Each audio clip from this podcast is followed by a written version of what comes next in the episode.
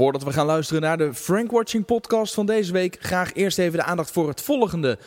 Op 10 maart 2016 organiseert Frank Watching het event WhatsApp voor bedrijven. En dat zal plaatsvinden in Utrecht. En waarom? Nou, per dag ontvangen we gemiddeld zo'n 65 berichten via WhatsApp. En 4 op de 10 WhatsAppers gebruikt de dienst ook voor zakelijke doeleinden. Het is dus niet zo vreemd dat steeds meer bedrijven experimenteren met WhatsApp. Maar hoe zet je WhatsApp nou succesvol in voor jouw organisatie? Kom op 10 maart 2016 naar het Frank Watching event WhatsApp voor bedrijven en leer er alles over. Ga voor meer informatie en tickets naar frankwatching.com en kijk onder het kopje events. Van harte welkom bij deze nieuwe aflevering van de Frank Watching podcast, waarin ik in gesprek ga met Debbie van Adrichem. Ze is gespecialiseerd in onderzoek naar digitale trends en social media. Ze is onder andere Nederlands ambassadeur van de internationale studie Connect Live, waarmee ze de marketeer inspireert op het gebied van de consument anno 2015. Daarmee adviseert en helpt ze uh, marketeers in de vertaalslag van market insights naar strategie op het gebied van online en integrated marketing. Jeetje, wat een mond vol. Debbie, van harte welkom in deze Frank Watching podcast. Hi. En je bent niet alleen. Ik uh, ga ook Judith van harte welkom heten, want dat is de dame die naast je zit. Uh, stel je even voor, Judith. Wie, wat, wie ben jij en wat doe jij? Hallo, ja, nou, ik ben Judith, Judith van Bokkel. Um, ik werk samen met uh, Debbie bij TNS Nipo. En ik ben uh, samen ook met Debbie ambassadeur van uh, Connected Life, de wereldwijde studie. Nou, top. En leg even uit, want af en toe hoor je een enorme windvlaag op de achtergrond. Jullie zitten op het dak van TNS Nipo, begreep ja, ik. En het waait als een malle buiten. Ja, we zitten wel binnen hoor. Dus, maar we hebben een hele mooie, we noemen het de bovenkamer op het dak van TNS Nipo.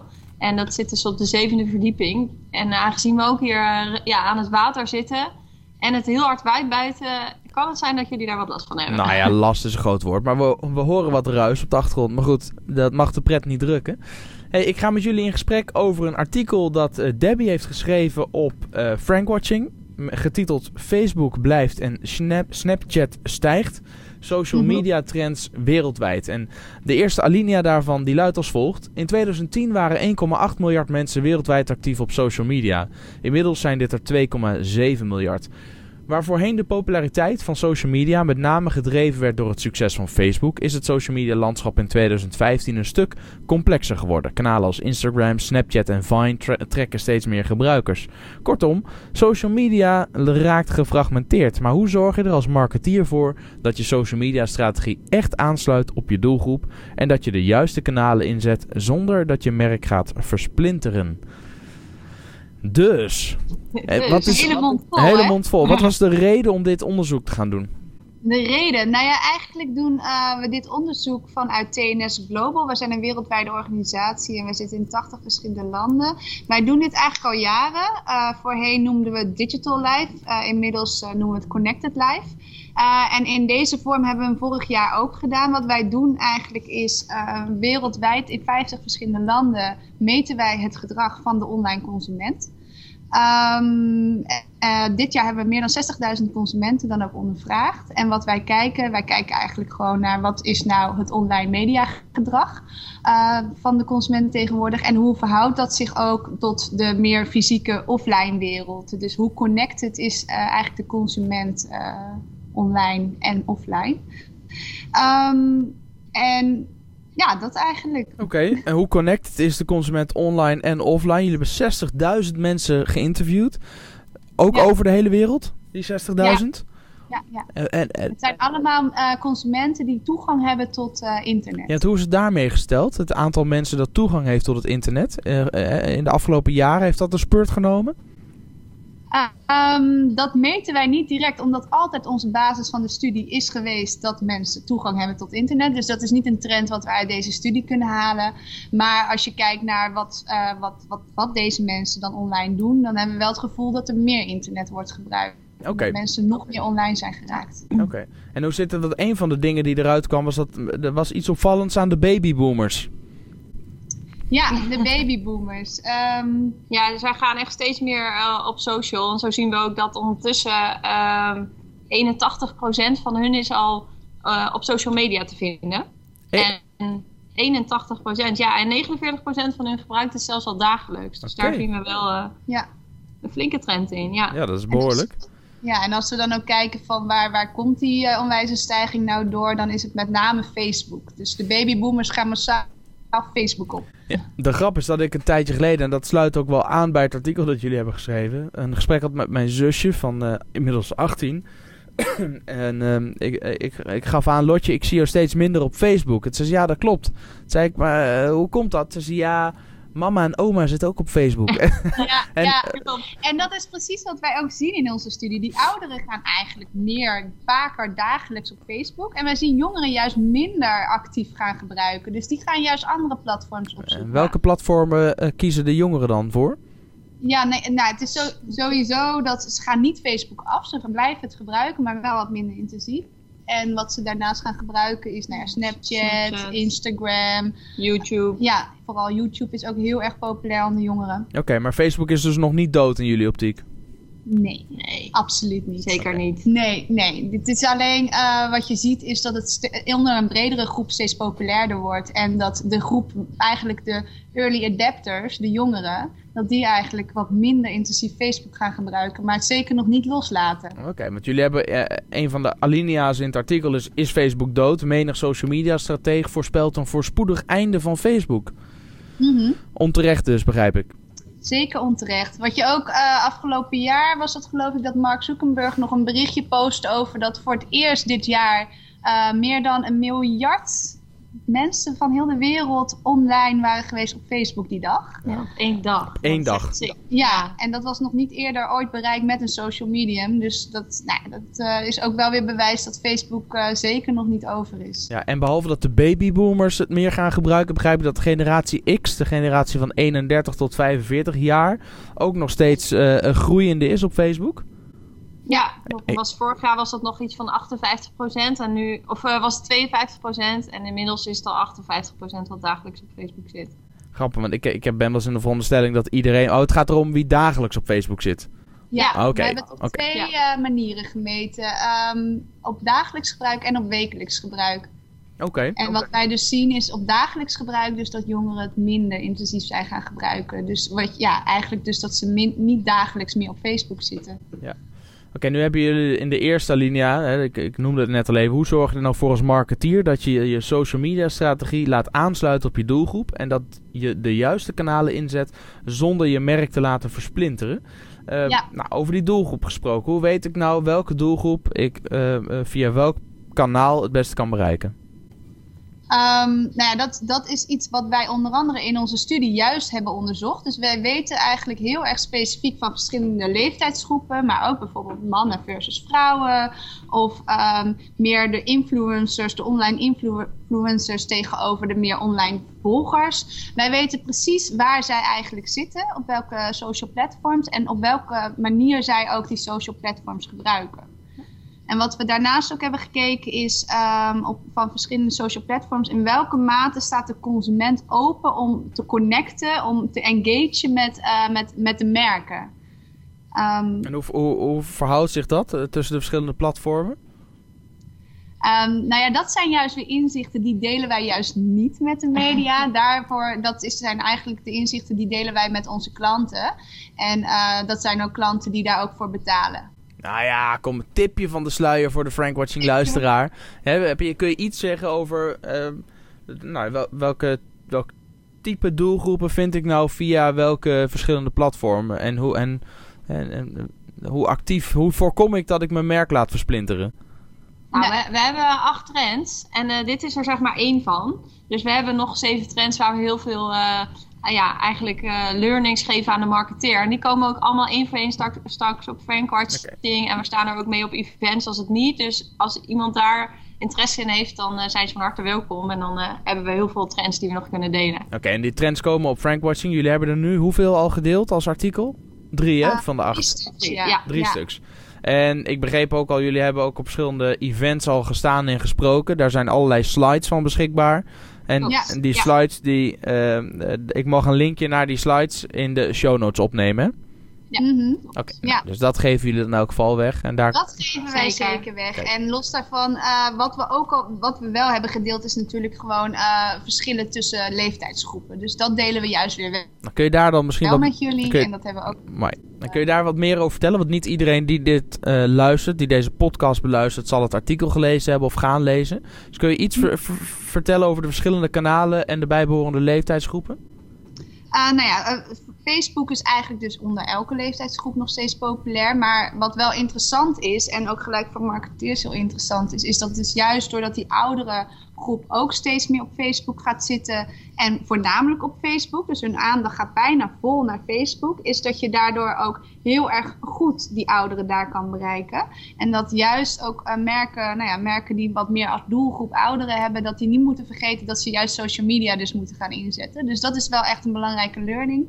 Eh, andere learning is eigenlijk als je meer naar de jongeren kijkt, van ja, je kan inzetten op Facebook, maar er zijn kanalen zoals Instagram, waar je eigenlijk beter eh, als merk misschien zichtbaar kan zijn als je er zeker van wil zijn dat je 100% bereik hebt. Als je bijvoorbeeld op Instagram een foto deelt, dan weet je eigenlijk dat het bij iedereen op de timeline komt.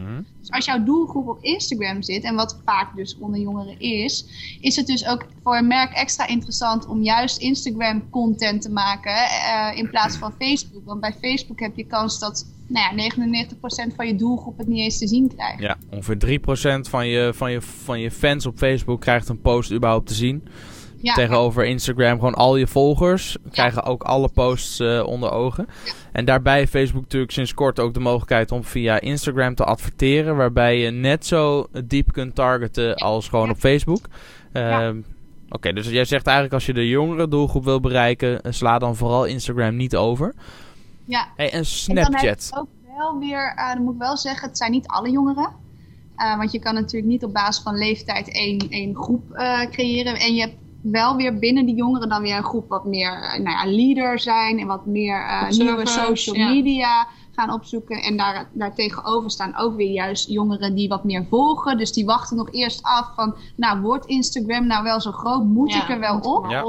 Ehm, dus dat is wel heel belangrijk om te weten of jouw doelgroep nou echt zo'n follower is of meer een leader. Ja, of in elk geval een, zorgen dat je een, een marketingmix blijft hanteren. Waarbij je zowel op Instagram de mensen blijft benaderen als ook op andere kanalen. Hey, en, en Snapchat, eh, dat, dat kwam ook voorbij in jullie artikel. Mhm. Wat vinden jullie er nou van? Ja, ik vind het heel leuk. Oh, Het is hartstikke leuk. Ja, echt? Ja, ja, ja. Ik, vind het, eh, ik vind het een mooi antwoord ook op, op nou ja, ook het privacy verhaal rondom WhatsApp. Van, nou ja, ze bewaren alles wat je daar communiceert. En jongeren zijn het een soort van gaan gebruiken zo van, nou ja, het verdwijnt weer. Ik twijfel. Tuurlijk, ja, ik wou zeggen, ik, ik, ik mag toch hopen dat jullie niet echt zo naïef zijn dat alles via Snapchat wel Maar- veilig en... Een mooi, mooi signaal zeg maar, van jongeren dat ze heel erg naar Snapchat zijn gegaan met het idee van, eh, ja, dan, dan vervliegt zeg maar hetgeen wat ik Ja. eh, verspreid. Ja, Ik weet niet of het zozeer gaat omdat Snapchat het niet meer zou hebben, maar gewoon dat degene naar wie je het stuurt, dat die gewoon, ja, het gevoel van, ah, het is wel weer zo weg of zo. Dan maak je eerder een grapje of heb je, ben je eerder wat los. En dan kan diegene wel een printscreen maken, maar dan krijg je wel weer een bericht van. Jawel, maar S- Snapchat is natuurlijk helemaal het begin vrij populair geworden als sexting tool. Waarbij het eh, veel gebruikt werd om pikante foto's uit te wisselen die zichzelf dan weer zouden ja? vernietigen. Ja, zeker. Dat Ja. weten wij dan weer niet. Nee, ja, ja, goed. Maar dat is, dat is. Dat is wel waar, dat waren de nieuwsberichten waardoor het in één keer bij een eh, groot publiek wel onder de aandacht kwam. En later is het inderdaad echt eh, eh, ge- geadopteerd als, als, echt als communicatiemiddel. En met name onder de jeugd. Maar het is, ik geloof, ja, je zou maar een, een, een foto met een, een, een grap die je onder vrienden maakt, maar die eigenlijk niet publiekelijk moet komen, maken via Snapchat. En er zou maar een screenshot van gemaakt worden. Ja, dan weet je dat die screenshot gemaakt is. Maar dan nog steeds heeft de ander wel gewoon die foto of die uitspraak. Dus ja, ik vind het toch nog wel. eh, in elk geval, mijn, eh, mijn lieve zusje, als je luistert, eh, gebruik het daar niet voor.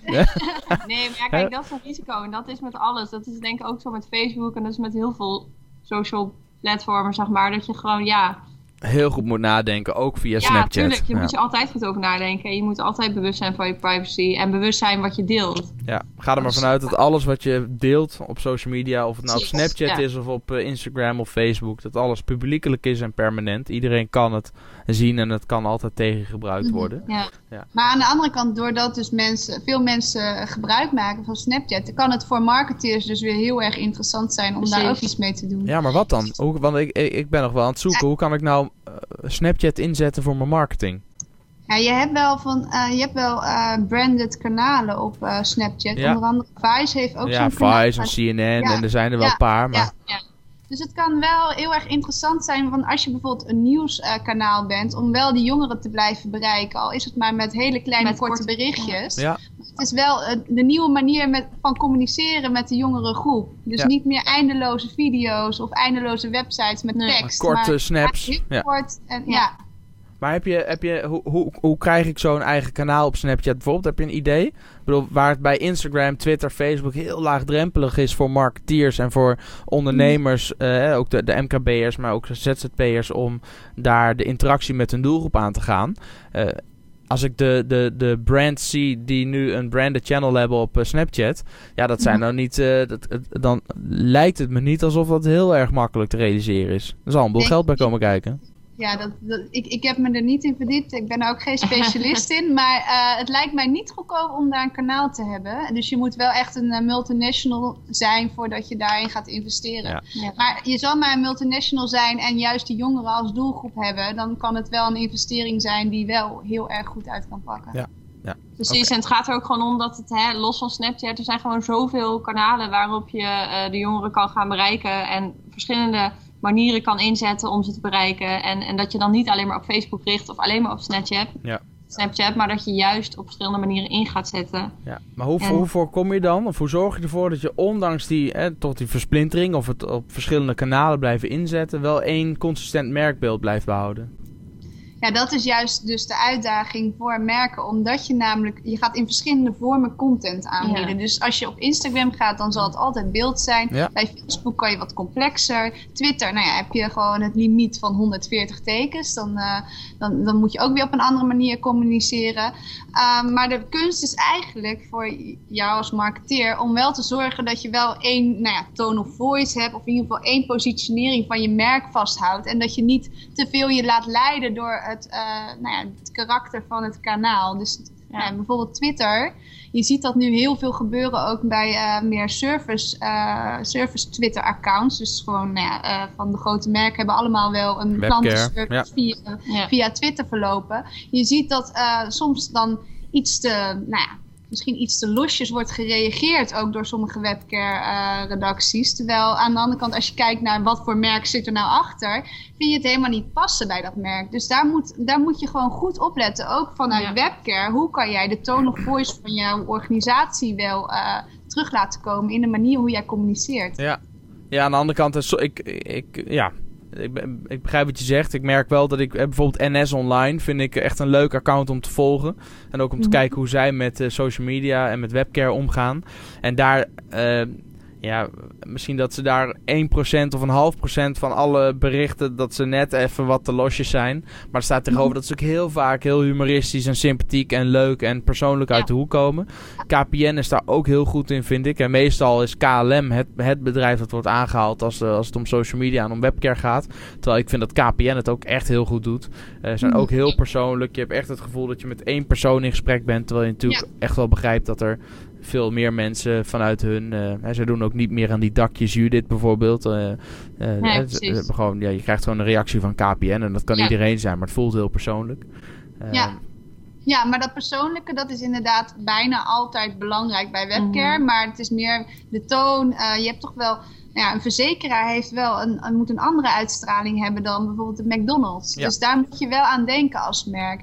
En uh, daarnaast, dat is dan een voorbeeld Twitter, maar uh, ook uh, zorgen dat je de, de, het beeld wat jij bijvoorbeeld creëert via Instagram, dat dat wel aansluit bij, bij jouw merk. En niet dat je denkt, nou, dat is een leuke foto, dat deel ik gewoon. Ja, dat... Want volgens mij krijg ik daar wel heel veel likes op en ja, op, nou, dat, is, dat, is, uh, dat, dat is aantrekkelijk om op zo'n manier te denken. Maar het gaat er wel om van, oké, okay, draag ditgene wat ik deel ook echt daadwerkelijk bij aan mijn uh, merkimago en reputatie. Ja, ik zit ook even te kijken in de lijst met de podcast afleveringen. Want ik ben in gesprek geweest met Rob Leper. Maar ik, zit even, ik ben even aan het scrollen. Wat nou de exacte titel was. Ja, uh, Frank Watching aflevering 11 is dat. Uh, webcare zocht, zorgt een human voice voor meer interactie. Dus als mensen meer willen weten over wat de human voice in je webcare uh, berichten kan betekenen en of het zorgt voor meer interactie, luister dan eens naar aflevering 11, waarin ik in gesprek ga met Rob Leper. Dus dat wilde ik even gezegd hebben. Ehm, oké, okay. en vertel nog even kort over dat Connected Live, wat dat precies is. Ja, Connected Live is dus een wereldwijde studie die wij vanuit TNS Global uh, ja, opgezet hebben. Zoals Debbie al vertelde, dit doen we nu voor de vierde keer op rij. Dus daardoor zien we ook echt duidelijk trends. trends. Ja. ja. kunnen we heel goed zien van nou, hoe, hoe verandert nou dat digitale landschap? Hoe, gaan, hoe zijn consumenten daar nou anders in? Welk device gebruiken ze meer of minder? Waar zijn ze te bereiken? Et cetera, et cetera. Um, en nou, dat hebben we dus gedaan in 50 landen onder meer dan 60.000 consumenten. En op basis daarvan hebben Debbie en ik dus hè, de acht trends die we vanuit Global hebben. En um, nou, Debbie en ik hebben die gepresenteerd bijvoorbeeld op het e-merge event. En dan gaan we ook nog mee op het MI staan. En uh, ja, geef heel veel presentaties om eigenlijk de marketeer echt te helpen bij van oké, dit zijn de trends die we hebben gesignaleerd. Hoe moet je daar nou op inspelen en wat zijn de learnings die we eruit halen? Oké, top. En natuurlijk alle trends komen op frankwatching.com. Dus we gaan in de show notes ga linkjes plaatsen naar de andere artikelen en naar de slides zoals we al besproken hebben. Wordt het uh, tijd om af te ronden, want we hebben een tijdje geleden een onderzoek gedaan via Twitter onder de luisteraars van de Frankwatching podcast wat de ideale lengte zou zijn van een aflevering. En daarbij uh, gaven we de keuze tussen ongeveer een uur of in elk geval zo lang als nodig of 20 minuten. En de meerderheid gaf aan uh, dat ze dan toch liever dichter bij de 20 minuten minuten. Korte soundbites. De afstand tussen werk en, uh, uh, en thuis. Uh, dat dat 20 minuten, daar moeten we zo'n beetje naartoe gaan werken. Dus dat doen we ook vandaag. kan ik me helemaal niks bij voorstellen. nee, is dat zo? Jij zou liever een uur in gesprek gaan? Ja, ik nou, ja. nou, ik moet zeggen, ik luister vrij veel podcasts in Amerika. En die zijn ehm, ook vaak drie kwartier. En uh, ik heb er geen enkele moeite mee om op de heenweg de helft te luisteren. En dan te pauzeren. En op de terugweg de andere helft te luisteren. Maar goed, we hebben het onderzoek gedaan. Dus ik ga het dan ook van proberen. En kijken wat het doet met het uh, uh, met aantal volledige plays van de podcast. Mag ik jullie enorm bedanken voor jullie tijd en voor dit gesprek. Ja, jij ook bedankt. Ja, jij ook bedankt. Graag gedaan. Kom op 10 maart 2016 naar het Frankwatching Event WhatsApp voor bedrijven en leer er alles over. Ga voor meer informatie en tickets naar frankwatching.com en kijk onder het kopje Events. Ja, aan al het goede komt een eind en zo ook aan deze aflevering van de Frankwatching podcast. Heb je nou met plezier geluisterd? Laat het dan even weten door middel van een positieve review op iTunes of door ons even een berichtje te sturen op Twitter of een bericht te mailen aan info@jelledrijver.nl. En daar kun je natuurlijk ook terecht met al je vragen, suggesties en opmerkingen. Ik ben Ed Jelle Drijver, dit was hem weer. Bedankt voor het luisteren en tot de volgende podcast.